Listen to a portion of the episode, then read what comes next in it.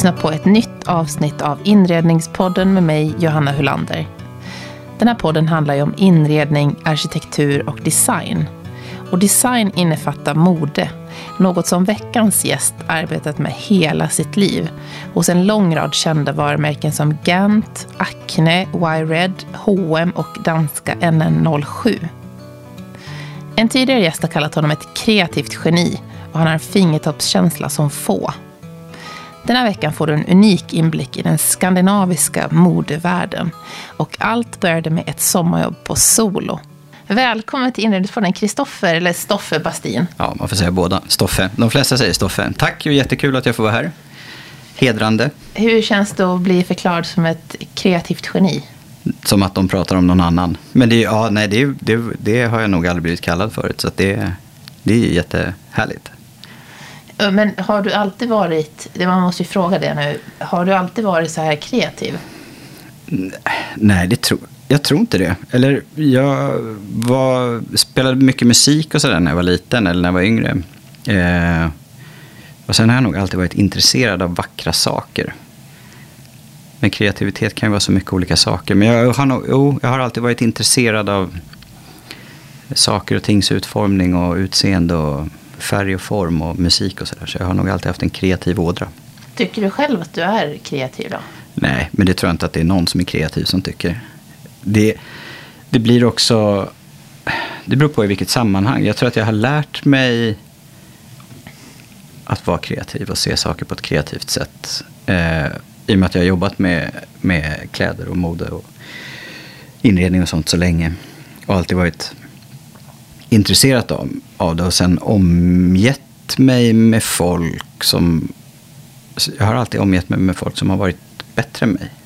Oftast mm. på alla jobb jag har haft så har jag känt att jag har alltid lite, tagit på mig lite för stora kostymer.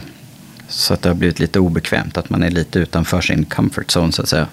Utan att det driver en att lära sig att tänka på annorlunda sätt än vad man gjorde tidigare. Eh, men jag tror att, jag tror att det, finns, det finns nivåer av allting såklart. Men, och jag tror inte att jag är den där, vad ska man säga, födda kreatören. Eh, utan jag tror att det är någonting som jag har insett att ja, men det här är, jag är ganska bra på det här. Och jag är ganska bra på hur jag ska omsätta tankar till visuella saker. Så att, men jag har definitivt fått lära mig hur man ska göra det så att säga. Det där med att du säger att, man har, att du har tagit på dig för stor kostym. Det är ju någonting som är väldigt modigt. Ja, eller dumdristigt. det beror på. Ja, nej men jag... Och det, det, har, det har blivit så. Sen kan man ju tycka så här att liksom... Man pratar om tur och sådär. Jag tror att jag har varit på rätt ställe vid rätt tidpunkt. Och sen så... För jag är väldigt oplanerande och, och egentligen rätt ointresserad av karriär och sånt där med jag har verkligen jag har, jag har lyckats vara där, där det har hänt saker. Och sen så brukade min, min gamla mentor Claes Kjell, han brukade alltid säga att luck is the result of good planning. Jag vet inte om det stämmer för mig. Men, eh, nej, men jag har haft turen att, att vara, vara där det händer grejer och, och haft turen att folk har litat på mig och, och eh, trott på mig. Så att man får göra saker som man egentligen kanske inte alls hade fått göra på andra ställen. Jag måste berätta lite för lyssnarna om din bakgrund. För idag arbetar du som creative director på NN07, mm. danskt varumärke. Ja. Men du har ju, alltså du har ju som en av få personer arbetat med inom skandinaviskt mode på ett annorlunda sätt och med väldigt många varumärken. Ja, jag, ska jag, tar det från början helt ja, enkelt. Tar, tar, take it away. Ja, eh, jag eh, höll ju på mycket med musik som jag sa. Eh, så när jag pluggade på gymnasiet så hade vi, skulle vi ha en praktiktjänst i några veckor. Och då tänkte jag att ja, men det är bra, då kan jag komma in i musikbranschen via den vägen. Så då sökte jag praktiktjänst på en skivaffär som låg nere på Smålandsgatan.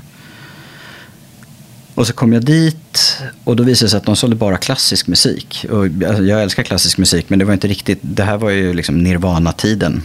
Eh, och jag tror att han tittade på mig, jag hade sjukt långt hår och liksom ringar och såg allmänt så skräpig ut. Så att han tittade på mig och sa, han nej det här, det här känns inget bra. Och det tyckte inte jag heller. Och då hade Solo precis öppnat på Smålandsgatan, på Norrmalmstorg. Så då gick jag in där och sa hej hej, jag behöver praktikplats, jag kan jobba gratis några dagar i veckan i typ några månader. Och Susanne Liljenberg som var där då, som var butikschef, som sen startade Granit bland annat. Hon... Eh, Jaha, var hon där då? Ja, hon var där. Så hon tyckte väl att jag var gullig och verkade ambitiös. Så hon sa att ja, ja, det blir jättebra. Så fick jag börja jobba där. Sen gjorde jag lumpen ett år och så visste jag inte vad jag skulle göra. Men jag tyckte att det var väldigt kul där på solo. Även om när jag var där och praktiserade stod jag mest liksom packade upp grejer och sånt där. Så jag gick in dit och så frågade jag liksom om jag inte kunde få jobba där. Eh, och sakta gjort så började jag jobba på solo. Eh, och jobbade på jeansavdelningen där. Och jobbade, då jobbade, förutom Susanne, så jobbade en kille som heter Mats Andersson där. Som då var väldigt så, auktoritet på jeans. Eh, det var väl han och så fem, sex pers till i Sverige som hade liksom koll på jeansbusinessen. Var det där ditt jeansintresse startade? Ja, det, det var det verkligen. Och, och de var väldigt tidiga med Mats och Johan och det här gänget. Örjan Andersson som startade Cheap Monday sen, han jobbade inte där, han jobbade på JC. Men han var också liksom en del i det här liksom jeansmaffian. Eh, och de hade börjat samla på vintage jeans. Eh, gamla Lee, Levi's och Wrangler och sånt där. Eh, och det var liksom ingen som gjorde det då. Inte i Skandinavien i varje fall. Utan det var en liten klick som träffades och kollade på varandras fynd. Jag tror att Örjan till och med började jobba på UFF-sorteringen bara för att komma åt grejerna först. Liksom. Jaha. Så, så ambitiös var han. Men, men det var väldigt spännande och man sugs in i hela den här världen av jeans som är så otroligt speciell. Och det här var också, det här var precis när Diesel hade lossnat i Sverige. Eh, Johan Lindberg var på Diesel och liksom rattade runt det. det. Marknadsföringen var helt ny. Så det var liksom första gången som det var en riktig så här, jeanshysteri i Sverige sen gul och blå. Så lördagarna på Solo när vi hade liksom fått påfyllning av dieselfellow och vad allt de nu hette. Det var ju kaos liksom. Jag tror vi sålde 200 par jeans på en lördag. Så man stod liksom bara och kastade jeans till varandra. Oj, oj, oj. Eh, och det var väldigt spännande. Så jag, och jag älskade att jobba på Solo. Det var skitkul. Eh, och sen några år senare så ringde en kille som hette Fabian Månsson. Då var han divisionschef på Rocky på H&M. Och så ringde han en söndag. Ja, tjena, jag heter Fabbe. Vi behöver lite coola jeanskillar på H&M. Så tänkte ifall du vill komma hit och snacka lite. Jaha. Så jag gick upp och träffade honom och så visade det sig att han var jätteintresserad av musik och lirade stilgitarr och slidegitarr och sådär. Jag höll på med trummor och sånt där. Så vi hittade varandra. Eh, så det var en väldigt informell anställningsintervju. Så han tyckte, äh, det här blir bra, du känns cool.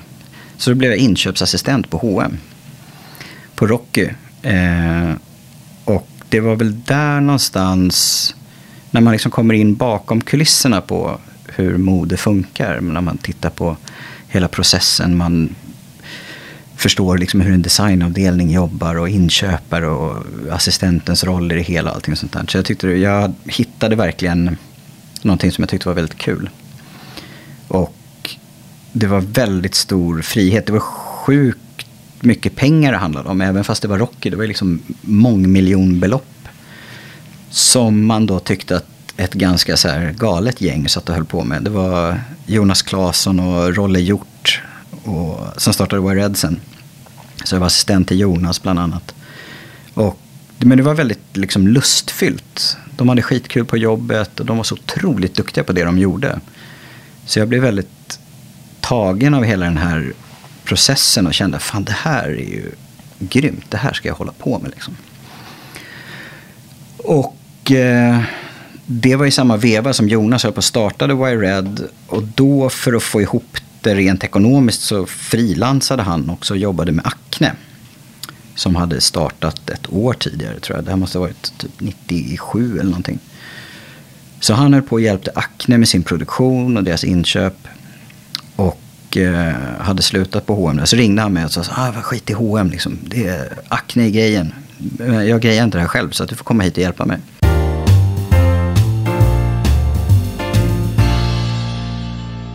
Så jag hoppade av H&M och började jobba på Acne och det var totalt kaos. Jag tror vi var, vad kan man ha varit, fem, sex pers som jobbade med klädbiten då.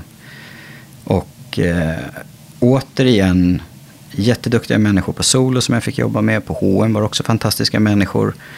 Och därifrån till Acne där Jonny Johansson som startade Acne Jeans som hade varit med och startat Acne reklambyrån från början var en helt annan sorts kreativ person.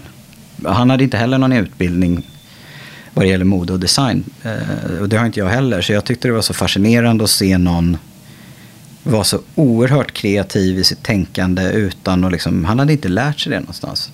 Han var en sjukt duktig reklammakare och en idéspruta och var också hade ett band som han lirade i. Och var, eh, jag tyckte Johnny var så jävla cool. Eh, och han var så oerhört, redan då, tyckte jag, han skulle säkert inte hålla med, men jag tyckte han var så oerhört klar över vad han ville att akten skulle vara redan då.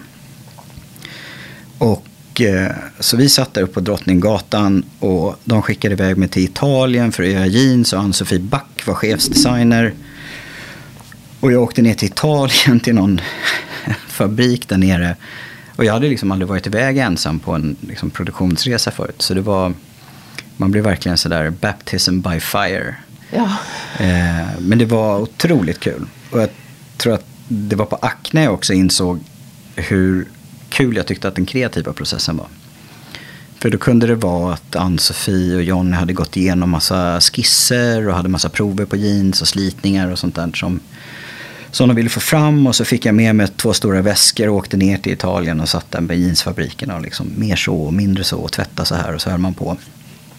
Och, och bara det här med att Dels så var jag redan då eh, total jeansnörd. Men att sen då få vara med i själva framtagandet var det var magiskt att komma ner dit. Eh, mycket jobb, men det var väldigt, väldigt kul. Fick du ganska fria tyglar då, eller var du... Nej, nej, det ska jag inte säga. Jag fick jävligt ofria tyglar, för Ann-Sofie och Jonny var ju väldigt, liksom, de var ju väldigt tydliga med så här och så här, så här ska det se ut. Mm. Jag åkte ner och så höll jag på med tvättarna där, eller om man åkte till Portugal till någon fabrik och sådär. Så de visste, de var väldigt tydliga med vad de ville ha tillbaka. Så där var jag, min roll där var inte särskilt kreativ, utan det var mer liksom eh, execution så att säga. Åka ner och göra, se till att det blev som de ville.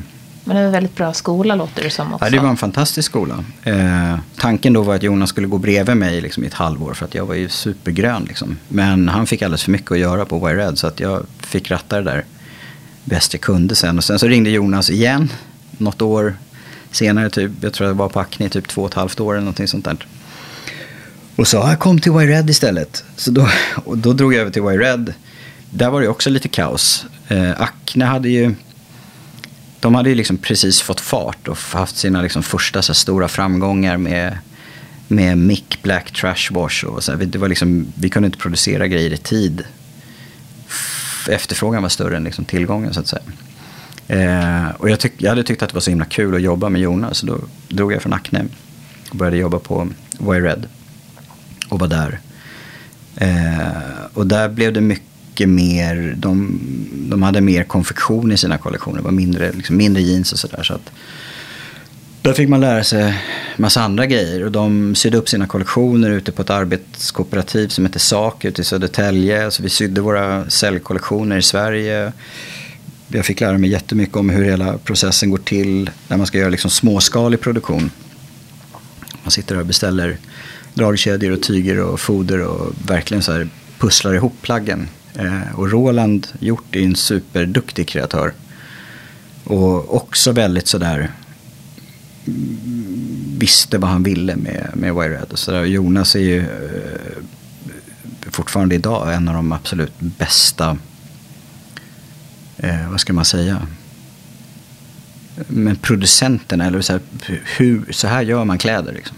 Han är sjukt duktig. Så jag lärde mig så otroligt mycket av att vara där. Eh, men vi jobbade sjukt mycket. Jag hade precis blivit pappa. Så blev, till slut blev det lite för mycket. Liksom. Vi var ute, eller vi, jag var ute i typ fyra dagar i veckan. Jag kände att det blev liksom för mycket. Så jag tog, tog ledigt över sommaren. Var pappaledig i typ två, tre månader med Klara, min äldsta dotter. Och tänkte så här, men ska jag liksom lägga, plus att jag tjänade typ noll pengar. Och då tänkte jag, ska jag ska jag lägga all den här energin och tiden på det här? Och kände liksom att jag var på väg att verkligen så bränna ljuset i båda ändarna. Så då tänkte jag, men om jag inte ska vara på något så här litet modevarumärke. Dels så fanns det aldrig några pengar. Eh, man jobbade mycket, man tjänade dåligt. Men, men det var otroligt kul och lustfyllt. Liksom. Så då tänkte jag att jag kanske ska söka mig någonstans till något större välordnat bolag där man, in, liksom, man kan jobba med liksom, mellan 8 och 5 eller 9 och 6. Och inte behöva liksom, äta och andas jobbet. Så då ringde jag till Åhléns av alla ställen. Och sådär, hej, eh, har ni något jobb? Och då var det en gammal kollega från H&M som satt där. Så det var också sådär, saker och ting bara hände liksom.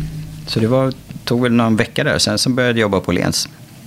Som inköpare för deras egna privata private label här-linjen som de hade startat. Blev det bättre balans då? Kände du att... Ja, det var en helt annan grej. Dels var jag, det var jag, alltså min assistent Mattias och sen så var det 40 stycken kvinnor mellan 25 och 65. Så det blev liksom en helt annan work-life balance. Eh, det var väldigt skönt. Eh, och jag tror att där var det också, där blev jag mer kreativt inblandad. För att den designen som designade den kollektionen, han var frilans. Och hade liksom inget, inget eget kontor där. Så att det blev att efterhand att jag sa men jag kan fixa skjortorna eller typ jag kan göra jerseyn och sånt där. Och så bollade vi mycket fram och tillbaka. Så att någonstans där så började jag känna att hela produktionsbiten och, och hela den processen hade jag ganska bra koll på. Och jag kände att jag kan ju göra de grejerna som jag liksom designar själv. De blir, det blir ganska bra, tyckte jag då och var kaxig. Och sen var det faktiskt en kollega på Len som gick förbi mitt, mitt skrivbord och sa hon bara, du borde fan söka det här jobbet på Gant. De söker en skjortdesigner.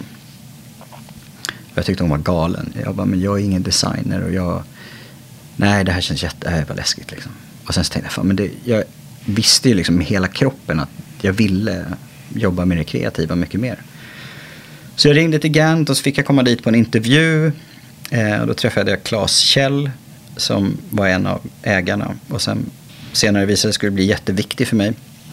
Eh, så jag träffade Claes och han och Staffan Wittmark och Lennart Björk som ägde Gant och drev Gant. Ingen av dem hade en designbakgrund egentligen. Utan de hade, precis som jag hade lärt sig, så här gör man kläder. Och sen hade de en otroligt hög sma, vad heter det, taste level. Eh, de var otroligt, de hade liksom varit runt hela världen, sett allt, varit på alla fabriker, de hade varit runt i världen och levt det här livet och, och lärt sig att titta på, på mode på ett helt annat sätt än de ställena där jag hade varit där tidigare. Eller där jag hade jobbat tidigare. Så att jag blev helt tagen för jag visste egentligen inte så mycket om Gant innan. Um, så jag, och då fick jag möjlighet så sa de, men vi tänker så här och så här och så får du sätta ihop en presentation. Uh, så att vi kan se hur du, ja, om det funkar.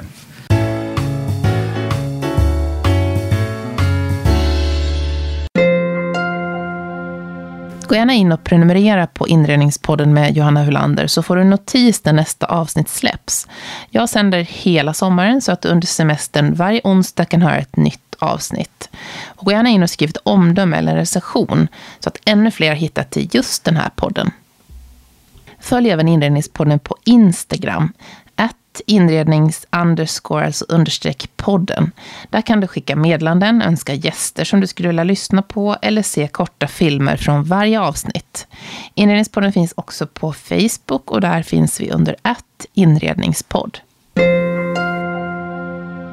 Så jag jobbade järnet med den där presentationen och då gjorde jag tre olika linjer. De sa att vi ska, vi ska dela upp Gant i tre olika linjer.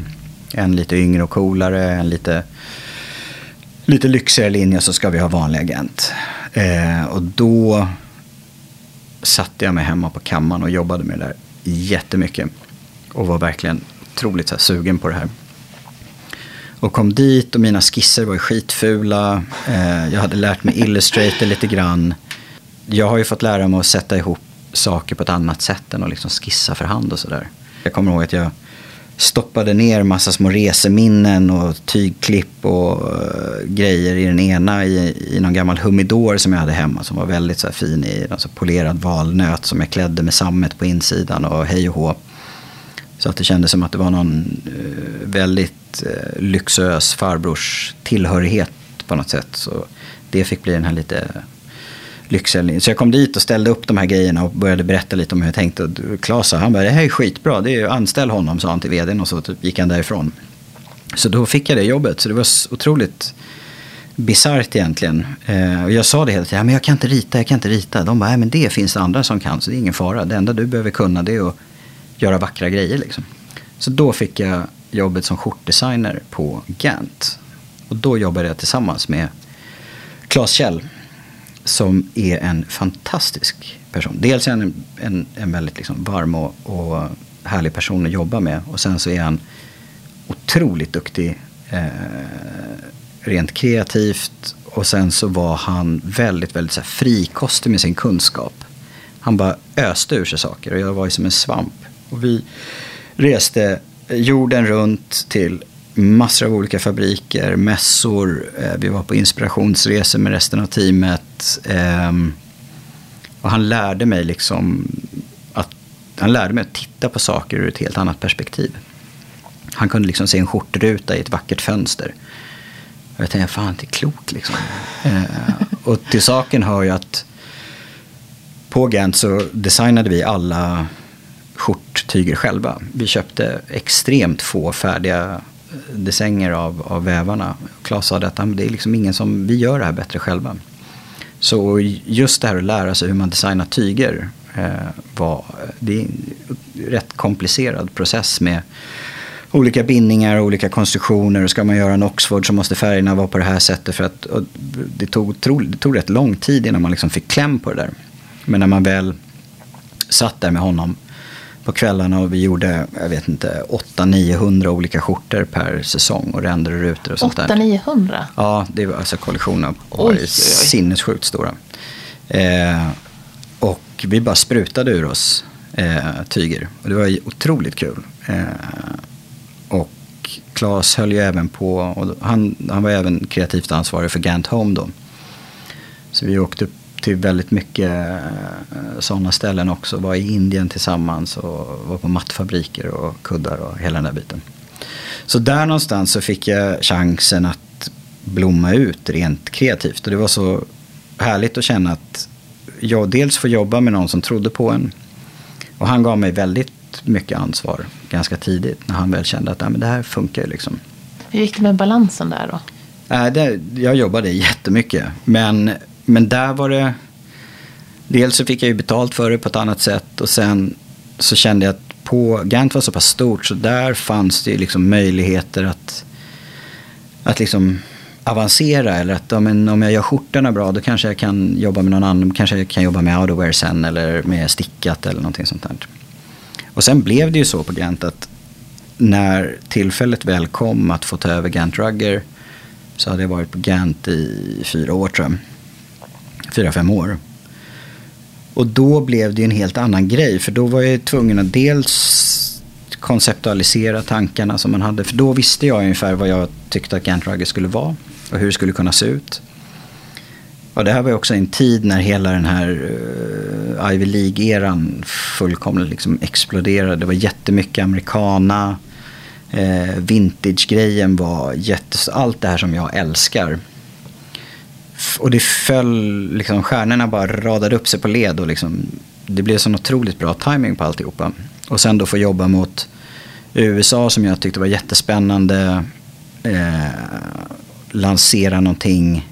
Det blev som en bebis nästan som man fick så här uppfostra och, och ta hand om. Så vi, det var jag och så var det Fiffi, Filippa Hallstensson. Min kreativa sidekick där. Som, och vi körde järnet liksom. Vi köttade på. Vi levde ju på kontoret i rätt många år. Eh, men det var otroligt kul att få bygga upp en kollektion och bygga liksom ett eget litet varumärke i varumärket. Där man hade så klara tankar om dels vem kunden var. Eh, och det var väl också väldigt mycket baserat på en själv så att säga. Och det fanns, det var på ett sätt lättare då, för det, fanns, det var så tydliga inriktningar i herrmodet. Eh, det hade inte hänt så mycket på ganska länge. Liksom, 90-talet var ju bara ett enda stort bröt av olika saker. Men där någonstans runt 2009-2010 så hände det plötsligt någonting som blev väldigt... Och hela preppy-biten kom tillbaka. Så det var en otroligt bra... Det blev bra timing så vi lyckades liksom ligga i lite framkant med hela den biten. Och även när, när eh, Pitiomo blev den här, liksom, när det blev mycket mer skräddat och tailoring så var vi ganska snabba med att liksom kunna svänga om till det. Från det här vintage-drivna till mycket mer liksom. Alla pratade om sprezzatura och det var napolitanska skrädderier som var hjältarna. Liksom. Så att vi lyckades på något sätt att svänga Gant Rugger på ett, på ett sätt som fortfarande kändes trovärdigt. Är det en av dina framgångsfaktorer att du har den här fingertoppskänslan? Ja, ja, Jo, men det måste jag väl ändå säga. Att det, det, sen är det också, det beror på var, vem och vad man jobbar med. Vissa företag drivs ju av att liksom ligga två år framme och liksom trycka på knappen alldeles för tidigt egentligen. Medan Gant är ju fortfarande, även om Gant Rugger var det som skulle ligga i framkant på Gant så kände vi att vi kunde ju lägga oss hyfsat långt fram med saker så länge det fortfarande lirade med liksom varumärkets värderingar och liksom att det inte kändes konstigt det vi gjorde. Men jag tror att genom åren så har man också lärt sig och alla tittar på samma saker. Alla ser samma filmer, alla lyssnar på samma musik. Och jag tror att om, om det är det man jobbar med och omger sig med hela tiden. Plus att det fanns otroligt mycket duktiga människor på Gant som jag också pratade med hela tiden. Ah, vad tror du om det här och liksom, hur känns det här och sådär. Och i och med att vi liksom lyckades pricka in de här, liksom, min, de här skiftena väldigt bra så blev också Gant Rugger lite av ett av de här märkena som folk faktiskt tittade på. Ah, vad håller de på med nu? Jag vet jag snackade med någon av killarna på Legacy där precis när de hade börjat. Och, de, och jag blev, det var en av de så här, finaste komplimangerna jag hade fått. När någon sa ah, men vi, fan, vi är inne och kikar på era skjortor liksom, som ni gör där på Gant Dragon. De är sjukt bra. Liksom. Tänk vad fan om de kollar på oss. Liksom. Så då känner man, fan det här, nu, nu gör vi ju saker och ting rätt liksom.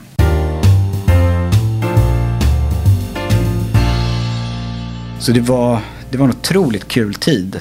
Eh, och sen kom vår dåvarande vd Dirk in och sa nu, nu är det slut med lekandet. Nu eh, tänker jag att om ett år ungefär så ska du bli CD på Gent Och jag var så här, fan det vill inte jag. Alltså, det är uh, bara massa möten och personalansvar. Så allt det där som jag tycker är skittråkigt.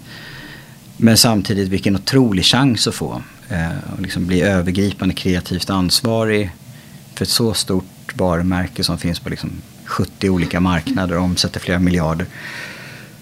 Och jag hade heller inget val för jag sa först så här, men det vill inte jag. men då sa han, det skiter jag i. nu gör du det här. Eh, och och det blev en ganska stor omställning. Eh, att, att gå ifrån att vara... Vi var aldrig så många som jobbade med Gantrugger. Vi var liksom ett litet tajt gäng. Eh, vi behövde inte liksom bry oss så mycket om vad de andra höll på med. Vi, vi hade i princip inga möten utan vi bara pratade, pratade, pratade hela tiden och gjorde, gjorde det som vi tyckte kändes bra i hjärtat. Till att bli ansvarig för ett jättestort designteam, eh, massa produktutvecklare. Var, blir mycket mer övergripande inblandad i hela marknadsföringsbiten och kampanjer och sånt där. Eh, och jag var jättenervös eh, när man skulle liksom presentera första inspirationsgrejerna för teamet och sånt där.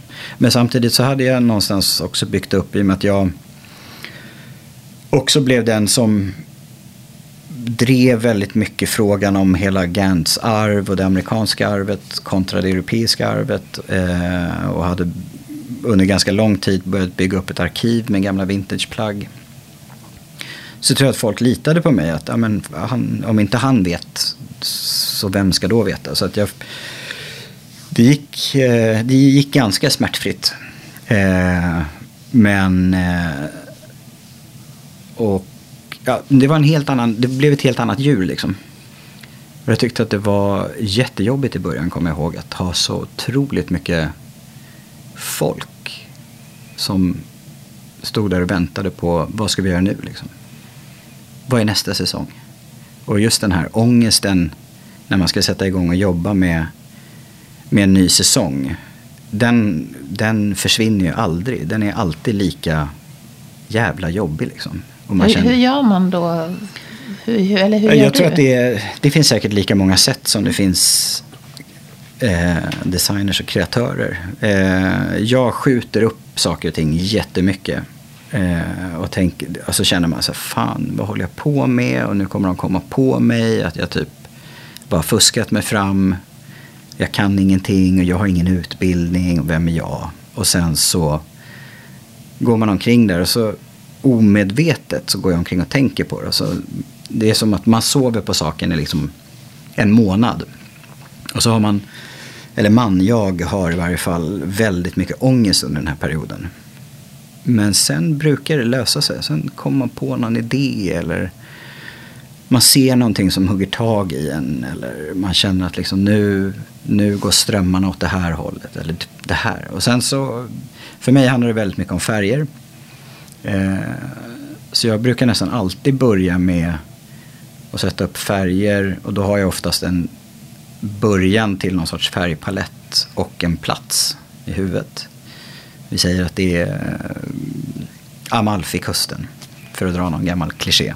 Och så har man de här färgerna och så börjar man där och sen så därifrån någonstans så, så kan jag börja liksom tänka någon liten historia i huvudet. Vilka de är och är de där och är de på kärlekssemester eller har de barnen med sig eller eh, ja, det, det är så mycket konstiga saker som jag behöver i varje fall för att kunna få upp sakerna på bordet. Och sen är det ju bara att sätta igång och eh, riva ut bilder. Och, ja, nu river man inte ut så mycket bilder längre men nu är det mycket liksom man sitter och letar online och sånt där. Men det som är grejen med att hitta inspiration på nätet också eh, är att det är samma sak överallt hela tiden. Så att för mig har jag, tror jag att det handlar om att försöka land, hitta någonting som inte känns som att det är gjort. När man ska presentera liksom en, en, en story för, för teamet till exempel. Att man hittar någon sorts unik ingångsvinkel eller att man sätter ihop färgerna på något sätt som känns fräscht. Men du är ändå ute på nätet trots att det är liksom upprepande tycker du? Eller hittar du? Ja, men det, du... ja men jo, alltså dels så blir det nästan ett måste. Dels om man ska resa för att hitta all sin inspiration så dels tar det väldigt mycket tid. Eh, mycket nu låter det som jag är jättegammal men idag spelar det inte så stor roll om du åker till New York eller om du åker till LA eller om du åker till London eller Paris. Um, för det är samma varor som är ute i butikerna och samma, det är samma utbud överallt. Uh, det jag har jobbat mycket med är att jag åker och träffar eh, showrooms som bara jobbar med vintage eh, saker. Och det är framförallt i New York. Men det finns några som är jätteduktiga i London. Det finns några i LA. Det finns några i Italien och Frankrike också. Alltså vintagekläder? Kläder, precis. Eh, och vintageprylar också. Eh, det kan lika gärna vara någon gammal vas som sätter igång tankarna. Nu är oftast är det ju kläder dock. Men, och den här industrin har liksom funnits ganska länge. Eh, och det är jättemånga varumärken. Framförallt så har amerikanerna varit väldigt duktiga på att kurera showrooms. Eh, och de som gör det tar otroligt mycket betalt för det. Eh, men plaggen som hänger där är helt fantastiska. Det kan vara också att man kan gå in och köpa en, en jacka där för flera tusen dollar men den kanske sätter allt. Det är snittet, det är färgerna på den, det, är, det löser så många, man hittar så mycket nycklar där som man kan använda. Alltså, så det, det finns inte i Skandinavien på samma sätt? Eh, alltså, I Skandinavien så finns det ju Eh, vi har rätt bra second hand-butiker i Stockholm. Jag går jättemycket på Beyond Retro. Dels är det kul för de, även om de riktar sig till en väldigt ung målgrupp så är de, de har en rätt bra så här, fingertoppskänsla på vad, vad som liksom lossnar. Eh, men annars, jag jobbar jättemycket med att gå till Beyond Retro men då går jag dit och så köper jag bara färger. Sen om det är liksom t-shirtar eller stickade tröjor. Eller, men det är ett väldigt bra ställe tycker jag för att, att köpa liksom grunderna till färgerna. Man hittar väldigt mycket härliga mönster. Mm. Eh, jag, där, det har jag jobbat väldigt mycket med sen jag började på NN07 också. Dels för att NN är ju baserad i Köpenhamn. Jag har pendlat dit senaste året. Eh, Medan jag då jobbar väldigt mycket från Stockholm. Förbereder upp i Stockholm och sätter ihop saker och sånt. Och så åker jag ner och så har vi möten där nere. Eh, men, men just det här att återanvända gamla saker. Man får vara lite försiktig för det blir väldigt lätt att det blir väldigt vintage-drivet. Och att det blir, känns väldigt daterat. Så att man måste liksom lära sig hur man ska göra, använda vintage på något sätt. Och det tog rätt lång tid för mig att och inse hur jag kunde göra det på ett sätt som blev unikt för mig eller som, som kändes som att det passade mig.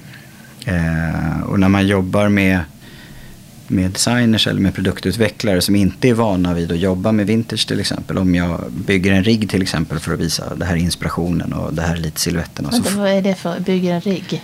Förlåt. Eh, när man ska dra inspirationen för teamet så antingen ska man pinna upp massa bilder och färger och material och sådär på kapaplattor, sådana här vita plattor. Eh, men jag tycker att det är Eh, ganska härligt att man får jobba med plaggen också. Och i och med att jag då jobbar väldigt mycket med vintage. Och det här handlar också mycket om att jag är skitdålig på att teckna. Mina liksom, skisser ser ut som fan. Så att det jag har fått göra är att köpa mycket vintageplagg. Klippa i, eh, drapera, nåla eh, sätta ihop så att man åtminstone kan sätta upp lite, lite lux. Så att man kan tillsammans med bilder och tillsammans med material, klipp och mm. färger och sånt där. Så att man kan bygga upp någon sorts historia och ibland så handlar det om att man ställer in växter eller målar om väggarna eller eh, på Gant var det fantastiskt. Där hade vi ett visual merchandising team som liksom kunde bygga upp stora kulisser när man skulle liksom presentera. Så att det kändes som man gick in från från liksom arbetsplatsen in i, den, i studion och så drog man bort eh, draperierna så var det Beverly Hills Hotel uppbyggt där. Liksom fasader och sånt oj, där. Så det var, oj. Ja, det var, man hade bra verktyg att jobba med där.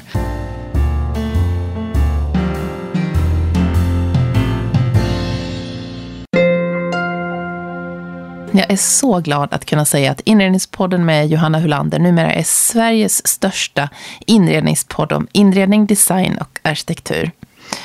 För dig som är ny lyssnare kan du gå in på inredningspodden.com där du hittar alla avsnitt som passar perfekt att lyssna ikapp på nu under semestern. Där finns en väldig blandning på gäster och jag är säker på att du kommer att hitta flera intressanta avsnitt.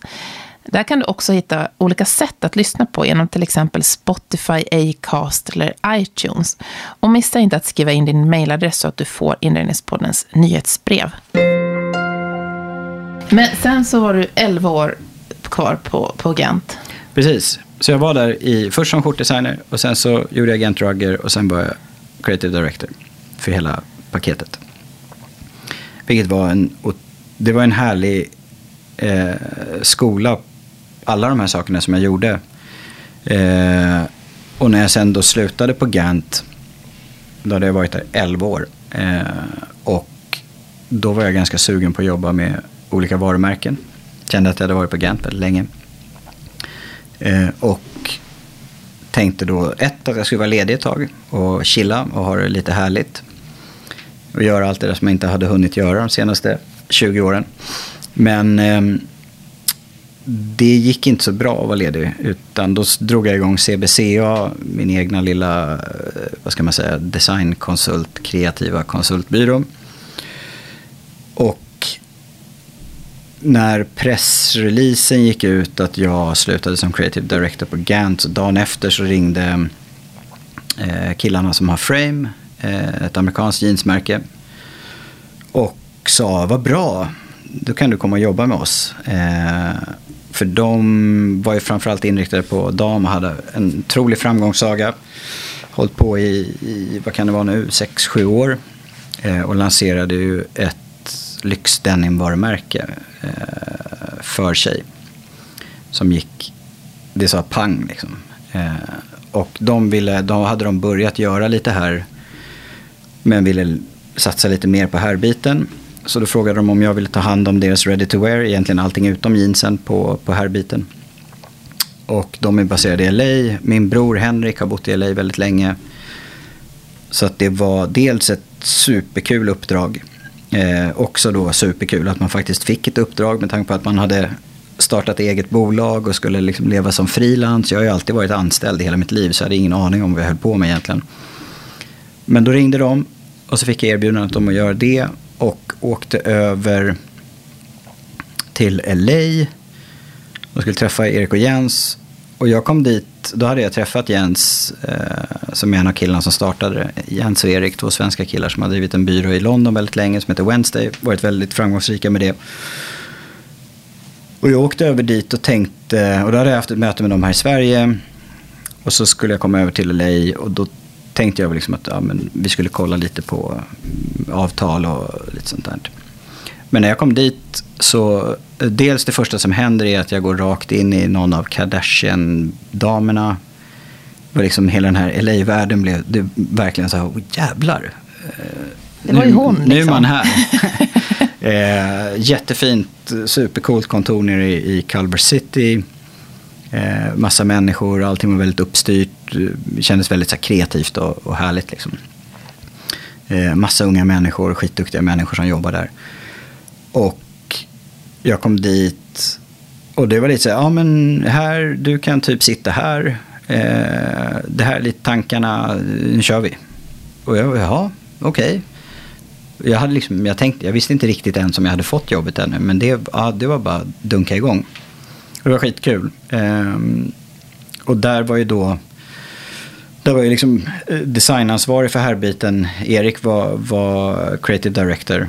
Och han Eh, också helt nytt sätt att jobba. I och med att de är reklamare så kommer de från, från en annan värld så att säga.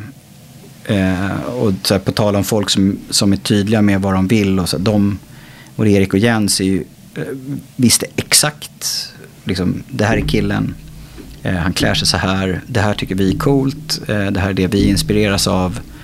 Så där fanns ju en väldigt tydlig ram. Där var det mer så här, in och, och och lägga, lägga mitt lager på det så att säga. Eh, jag kommer ihåg att när jag frågade Erik lite så men vad är, det liksom, vad är, vad är det för vibe? Liksom, vad, hur, hur, vill, hur vill du att det här ska se ut? Och då, då gav han mig en sån bra förklaring. För det var ju när Hedi Slimane gjorde Dior. Eh, och hela liksom Dior, Saint Laurent var supercoolt. Och han sa, ja, men tänk lite så Gant Rugger det du gjorde där och så tänk lite Saint Laurent och så tänk lite Dior och så, så bakar vi ihop det så, och så hittar vi vår egna lilla så frame touch på det. Så jag pendlade fram och tillbaka till LA och gjorde det. Och i samma veva så kontaktade Indiska mig. Då hade de jättemycket ekonomiska problem. Eh, och Indiska hade väl landat i någonting som, som hade blivit eh, lite för mycket det hade blivit lite för, för gammalt och, och dammigt liksom. Och eh, jag tänkte så här, indiska, ja. Och då, de behövde, de behövde få in pengar. Så de, då tror jag familjen hade beslutat sig för att sälja en del av bolaget till en venture capital-firma. Så de var ute och pitchade det för olika investmentbolag. Och eh, David Rönnberg som var nytillträdd vd på Indiska som var killen som skulle sköta hela den här processen. Han kontaktade mig för att vi hade gemensamma vänner. Och han hade blivit tipsad, ja men ring till Stoffe, jag tror att han kan hjälpa dig med det här. För han behövde någon som kom in och satte liksom, det här är den kreativa visionen och den kreativa strategin. Och eh, min enda relation till indiska var ju att min mamma köpte alla sina kläder när jag var liten. Liksom. Eh, och sen, jag tror inte att jag hade varit inne på en indiska butik på liksom, 15-20 år. Men så jag gjorde lite research och så träffade jag David och vi satte ihop en någon liten styrgrupp där. Och det var jättekul.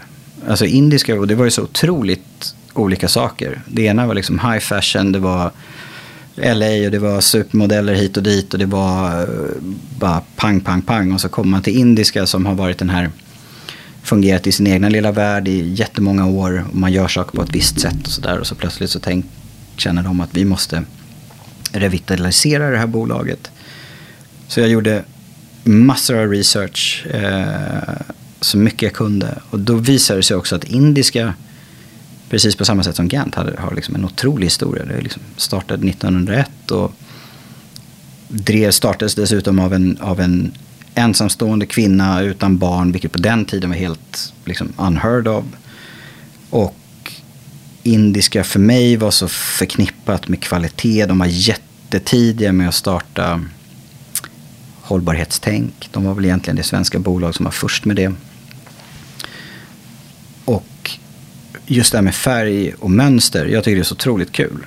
Så jag liksom bara dök ner i det där stenhårt och började rota i så mycket jag hittade av deras gamla saker. Och de hade en jättevacker gammal logga. Eh, och, men det var samtidigt det var en intressant tid på indiska därför att de hade så mycket ekonomiska problem. Det överskuggade så mycket. Eh, och det var massa personal som fick gå. Det, var, det liksom gick från att vara ett rent kreativt konsultuppdrag till att verkligen vara med och göra liksom väldigt mycket olika saker där. Och jag var med i deras ledningsgrupp och, och, det var verkligen, vi kämpade så jävla hårt där med indiska. Och samtidigt så fanns det en, en vilja att förändra på samma sätt eller på samma gång som att man var tvungen att liksom bibehålla de här sakerna som sålde men som kanske var dåligt för varumärket. Men det fanns en otrolig vilja att förändra och bara en sån sak som att de inte sålde kashmir på indiska när jag, när jag började jobba med dem. För mig är kashmir det är, det är Indien i ett nötskal. Ah, men det är för dyrt och lite sådär. Så vi gjorde, tog fram en liten kashmirlinje. Vi gjorde lite saker i mocka, vi höjde nivån lite. Och jag var starkt motståndare till alla syntetmaterial. Och det var mycket polyester och det var mycket liksom, syntetmaterial som i min värld hade ingenting på indiska att göra. För mig var indiska liksom vackra handtryckta klänningar i bomull och eh, liksom detaljrikedom och pärlknappar och hela den där grejen. Men de hade hållit på så länge och det hade blivit lite billigare och folk var väldigt prismedvetna. Men de här små sakerna som vi gjorde och vi, vi uppdaterade deras, hela deras marknadsföring och bytte byrå och massa sådär. Och vi fick liksom, det fick lite fäste det där och plötsligt så började folk prata om indiska på, på ett lite annorlunda sätt. Och det var otroligt härligt att se att man, om man bara om man attackerar saker på rätt sätt och om man tillgodoser liksom ett bolags riktiga kärnvärden. Sen kan man sitta och prata om eh, vi är så här och så här. Men här har vi ett bolag som hade funnits i, i liksom över hundra år som verkligen hade en historia. Och jag tror att alla kände att fan skönt att få börja jobba med de här kvaliteterna igen. Och titta på vad var det som gjorde att indiska en gång i tiden var så otroligt framgångsrika. Men sen är det svårt. Nu, nu har jag inte jobbat med indiska på ett tag. Men jag hoppas att det kommer att lösa sig. Eh, och att det kommer att gå bra för dem. För det är ett fantastiskt varumärke. Eh, och Frame blev också lite så här att där blev det antingen så flyttade jag till LA och, och körde Frame. Eh, eller de behövde någon där på heltid. Eh, men det var en väldigt härlig tid eh, att få jobba med indiska samtidigt som man jobbade med Frame. De krockade inte överhuvudtaget och samtidigt så kände jag fan man kanske börjar göra lite så här sköna galna print på Frame. Liksom. Så det, alltså det smittar ju av sig lite, mm. tankarna vad man gör. Sen gäller det ju att hålla isär det. Dels är det två olika klienter som behöver två olika saker. Men man blir väldigt färgad av att jobba på ett ställe som indiska och av att jobba som ett ställe på Frame till exempel samtidigt. Det är svårt att hålla isär ibland. Sen är, ingår det i uppgiften så att säga. Men ibland så är det också, det är det som är så härligt att, det, att, det liksom, i tank, att tankarna smittas på något sätt av de olika sakerna man håller på med.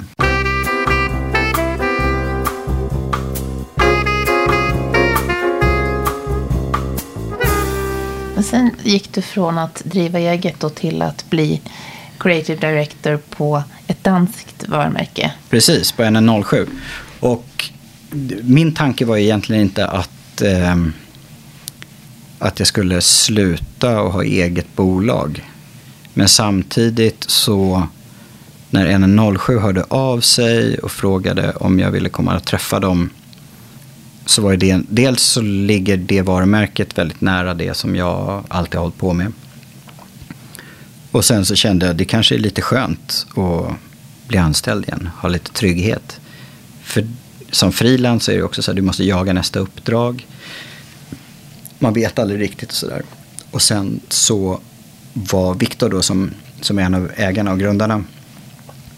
Han var också lite så här, han, han gav mig otroligt mycket ansvar. Han, han sa, han bara, jag vet vad du har gjort tidigare. jag tror att du skulle passa jättebra här hos oss. Eh, så egentligen så när jag träffade honom så var det mer för att vi skulle liksom, man skulle känna på varandra och se om man funkade ihop, om det fanns någon kemi där. Och det, vi funkar superbra ihop och han är en skitskön kille.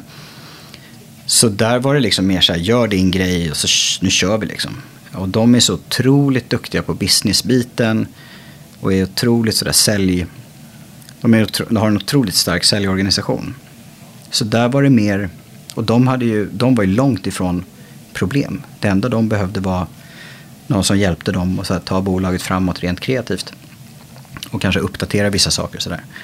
Så att där, det har varit väldigt enkelt att jobba med en 07 i det avseendet att de, de vet vad de är och sen så är de liksom bara tryck in, liksom kom, in, kom hit och tryck in lite, lite fräsch luft, eller man säger.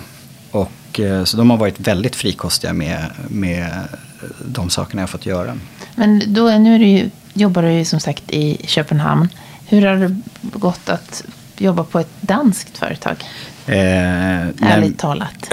ärligt talat, de är så konstiga danskarna. Ja. Nej, men det, det roliga är att man tänker så här, men Danmark, Norge och Sverige är typ samma. Men danskar är otroligt annorlunda, upplever jag.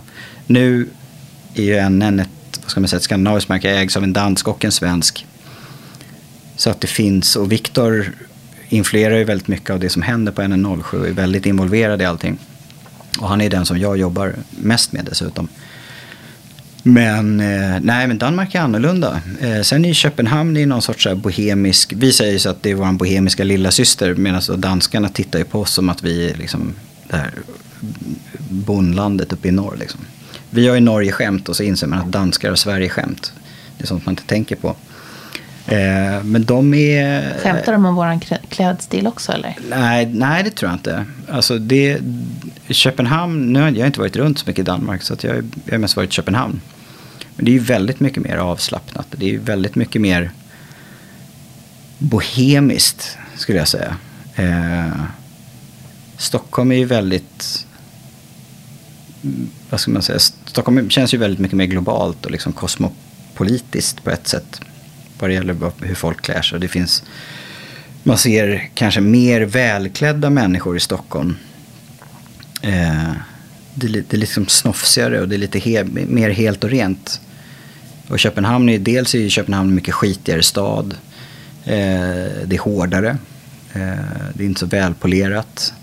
Och lite grann samma sak med, med hur folk klär sig där. Så man kan tycka så att ja, men det är lite mer individuellt i Köpenhamn och folk är lite mer friare.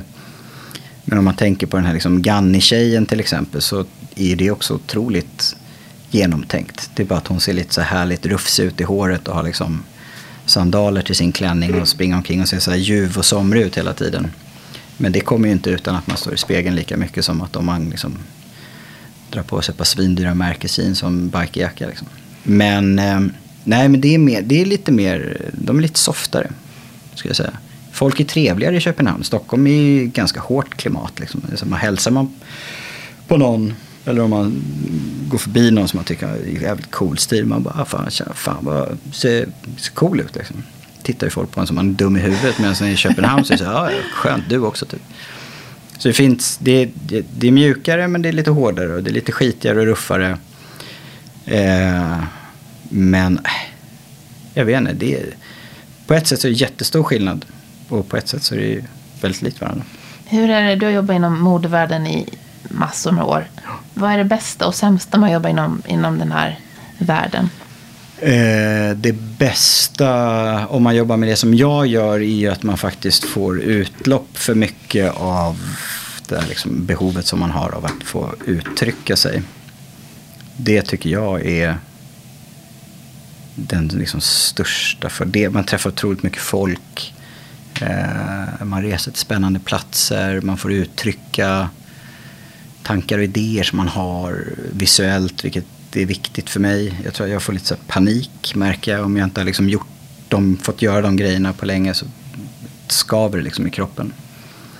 Um, och det sämsta då?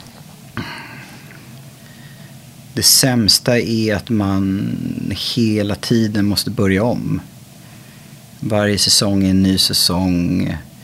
Eh, det går för fort jag tycker aldrig att jag får tillräckligt med tid med att jobba igenom saker på det sättet som jag skulle vilja göra. Ledtiderna blir kortare och kortare, cyklerna blir kortare och kortare. Eh, jakten på liksom nyhetsvärde, särskilt efter liksom hela den här Instagram-eran kom, leder ju till att det blir lite smått absurt ibland. Nu jobbar inte jag på varumärken som li ligger absolut i framkant vad det är liksom senaste trenderna. Men ibland så blir det nästan, när fler och fler modehus också går över till, till drops istället för kollektioner och sånt där. Och att det liksom bara var tredje vecka så ska det släppas någonting nytt som ska hypas och sånt där. Så blir liksom jakten på, på coolhet tar liksom över från, från det vackra i produkterna. Att det, så det tycker väl jag det gagnar liksom ingen förutom de som jobbar med content egentligen. Men jag tror att någonstans så kommer det att bryta. Så jag tror att man, när vi väl kliver ur den här cirkeln av jakten på hype så tror jag att det kommer att bli en, en bättre, en bättre värld, låter ju helt galet. Men jag tror att det kommer att bli en bättre miljö att vistas i. Också för alla som jobbar i modebranschen. Att man får faktiskt reflektera lite mer och, och det finns man skapar kläder som är gjorda för att hålla länge. Jag brukar alltid säga det att det bästa hållbarhetsarbetet är att göra saker som, som håller liksom livet ut. Eh, köper du liksom en, en skjorta så ska du inte behöva köpa en, en ny skjorta några månader senare. Eh, och he, allt det här håller ju på att hända. Man tittar på märken som Everlane som är väldigt så här, transparenta och som redogör väldigt tydligt för det här kostar plaggen att tillverka. Vi tillverkar hos den här fabriken. De är fackligt anslutna. Du behöver betala så här mycket för den här tröjan. Och det känns jävligt fair tycker vi. Och det tycker ju uppenbarligen alla andra också. Medan då de stora modehusen i som de flesta av dem dessutom då handlas på börsen och sånt där. Där är liksom jakten på lönsamhet och jakten på, där det också har blivit att creative directors avlöser varandra och där egentligen creative directorn är den som kommer in och blir varumärket på något sätt. Vilket är, men det är ju supercoolt man tittar på liksom Virgil Abloh och eh, hela den där ligan. Men om jag hade ägt, om jag hade varit ägare till ett anrikt franskt modevaruhus till exempel. Så hade jag varit lite orolig över att okej, okay, nu ställer vi om det här bygget till att passa den här, det här kundsegmentet.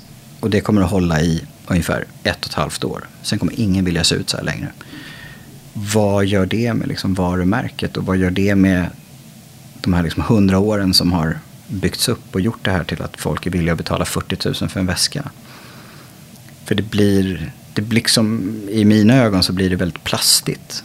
Eh, jag är inte ett dugg sugen på att gå och köpa någonting från Gucci eller Vuitton eller Dior för tillfället. Eh, utan jag tror att det är många som snarare börjar titta på mindre varumärken som kanske jobbar lite mer långsiktigt. Sen är det ju superkul att följa hela den här cirkusen. Och det ska man inte ta ifrån dem att de flesta av de här människorna är superkreatörer.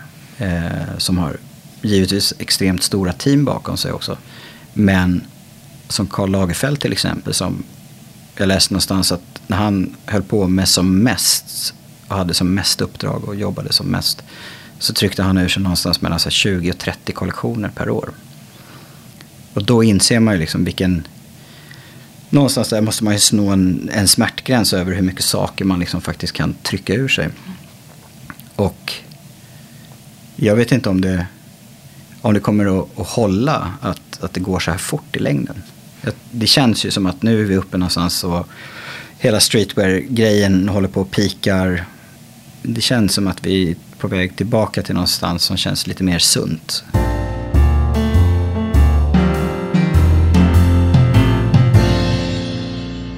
Du omger dig med mycket, mycket döttrar och mycket, en, en sambo som jobbar inom modeindustrin. Ja, precis. Hur, hur ser du på köpet? Det är, jag har ju själv en tonårsdotter. Och, ja, vad ska man säga? Det är mycket, mycket, mycket prat om mode. Eh, men hur, går du in och, och lägger dig i så att säga, som pappa? Nej, jag, jag gjorde det när, när eh, mina äldsta döttrar, Klara och Irma, och sen har jag Camilla en dotter som heter Flora, som bara är åtta månader, så hon har ingen, egen, hon har ingen egen säg ännu. Men jag kommer ihåg det så väl att jag tror att jag alltid har varit, försökt att hålla, det, hålla dem borta ifrån det och då menar jag att jag har aldrig hållit på och hetsat om varumärken och sånt där. Det kanske jag har gjort för att jag är också lite, jag är en sucker för, för lyx liksom. Jag älskar ju sånt. Eh, men jag tror att jag har varit ganska bra på att liksom skita i ett, vad de sätter på sig. För jag vet att det går ändå inte liksom att styra det. Särskilt när de blir lite äldre.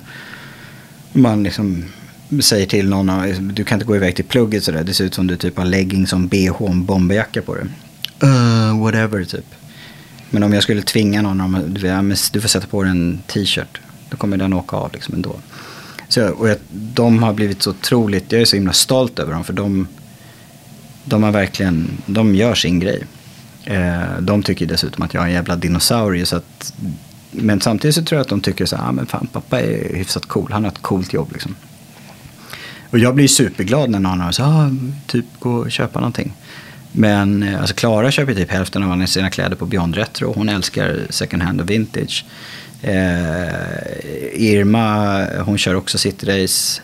Så att eh, jag, hade någon period när Irma var lite mindre när jag försökte, liksom, man försökte sätta på någon liten så fransk eh, du vet, duffel och någon liten gullig rosett och lite sådär. Jag bara, det här blir super, kolla vad gullig hon är. Men det höll ju typ ett år, sen så började hon bestämma själv. Så att det, Nej, det det. Sen, och Camilla är ju, nu, hon jobbar ju med, med kommunikation och, och PR och marknadsföringsbiten. Kommunikationsbiten. Men hon är oerhört intresserad. Eh, så vi pratar ganska mycket om det. Hon är nog mer, ännu mer intresserad. Alltså jag, Klär hon dig då? Nej, nej. nej jag, är, jag är rätt bra på att klä mig själv. Nu har jag de senaste fem, sex åren så har jag jag hivade typ alla mina kläder och så köpte jag ett gäng svarta t-shirtar och massa svarta jeans. Eh, för jag kände att jag orkade inte bry mig längre riktigt. För jag, i och med att jag tillbringar en så stor del av mina dagar med hur andra ska kläs. Så kände jag att jag orkar inte. Jag ville bara göra det enkelt för mig. Och så jag kan liksom i sömnen nu så kan jag gå upp så plockar jag min svarta t-shirt och så tar jag mina svarta jeans. Oerhört smidigt. Ja, det, dels sparar man massa tid på det och sen så känner jag att jag, jag, jag tänker liksom färg och form väldigt mycket. Jag är väldigt passionerad med det jag gör. Så att jag känner att jag orkar inte lägga den energin på mig själv. Eh, så jag gjorde det enkelt för mig faktiskt. Vi måste prata om din, dina hobbys också. Ja. För att när man eh, tittar på tittar på, eller söker på ditt namn så kommer det ju upp väldigt mycket om ditt stora matintresse. Ja, ja det gör ju det. Är det det du kommer jobba med i nästa liv? Eh, nej, det vet jag inte. Jag, jag älskar att laga mat, det har jag alltid gjort. Och har ända sedan jag flyttade hemifrån lagat mycket mat. Jag minns, i och med att jag började jobba direkt efter att jag hade gjort lumpen. Men de flesta av mina polare pluggade ju och de liksom, fan, bara käka nudlar och uh, pasta rouge som de kallar liksom makaroner och ketchup. Och jag tyckte det där sög. Medan de liksom åt sin äckliga studentmat där så stod jag och gjorde lövbiffsrullader till mig själv eh, i min etta på Söder. Och eh, fann någon sorts Eh, det blev något annat sätt att, att uttrycka sig och få laga mat. Sen senaste tio åren så har det liksom eskalerat från att jag tyckte att det varit kul att laga mat och bjuda folk på käk och sådär. Till att bli, jag har liksom, som med allting annat som jag företar mig så nördar jag ner mig väldigt mycket. Och sen eh, började, jag vet inte varför egentligen, om det var så här uppmärksamhets craving eller någonting. Men jag tyckte att det var kul att lägga upp stories på Instagram när man lagade mat. Vilket massa andra också tyckte. För plötsligt så gick, och jag, i och med att jag jobbar med mode hela dagen så tycker jag att det är rätt ointressant att jag ska prata mode på Instagram. Sen om jag känner att jag har gjort någonting som jag tycker blir helt fint så kan jag lägga upp en bild på det och bara fan kolla på det här, det blir grymt typ. Men däremot matbiten, dels för mig så är det min, en av mina få hobbys. Det är mitt bästa sätt att slappna av. och komma hem och få börja laga käk. Eh, familjen tycker det är rätt härligt att de får liksom god mat lagad från grunden varje dag. Men sen när jag började lägga upp det där på Instagram så blev det liksom, då gick jag från att vara han den här snubben som, som gjorde Gant Rugger och liksom håller på med mode och sådär. Så, för jag kommer ihåg, jag var nere i en, i en butik i stan för ja, några månader sedan. Och då en modebutik så kom en av killarna som jobbade där fram. Han bara, tja, bara, du är Stoffe Bastin, eller hur? Ja. Och då tänkte jag så här, han jobbar i en modebutik så han kanske, du vet, tycker att jag har gjort schyssta prylar liksom. Han bara följer dig på Instagram du ser grymma matlagningsgrejer. Så för honom så är jag den här snubben som la upp sköna matlagningsstories. Och då tänkte jag så här, fan nu kanske jag har liksom gått överstyr. Men samtidigt så är det rätt skönt att kunna så här, plocka bort hela den här grejen som man jobbar med. Eh, som någonstans ändå är rätt ytligt. Medan mat är allt annat än ytligt. Liksom. Man stoppar, grejerna, liksom stoppar i sig grejerna och eh, smaker och dofter och hela den där biten. Så det, eh, jag tycker det är jättekul. Men sen ska man också vara väldigt klar. Jag känner ju rätt mycket folk som jobbar i, i eh, restaurangbranschen. Och, och det, den kommentaren som jag får oftast är så här, fan varför startar du inte restaurang för? Du borde jobba med att laga mat och sådär. Men att gå ifrån och liksom vara duktig på att laga käk och bjuda lite polare på middag eller laga mat till familjen. Det är en sak. Men sen att ställa sig och liksom dänga iväg eh, liksom 90 bångar på en kväll till en stressad restaurang och liksom ändå hålla någon sorts nivå på det. Det är så långt ifrån vad jag är. Eh, ett, jag skulle aldrig klara av det. Två, jag har ingen aning om hur man lagar mat i ett restaurangkök.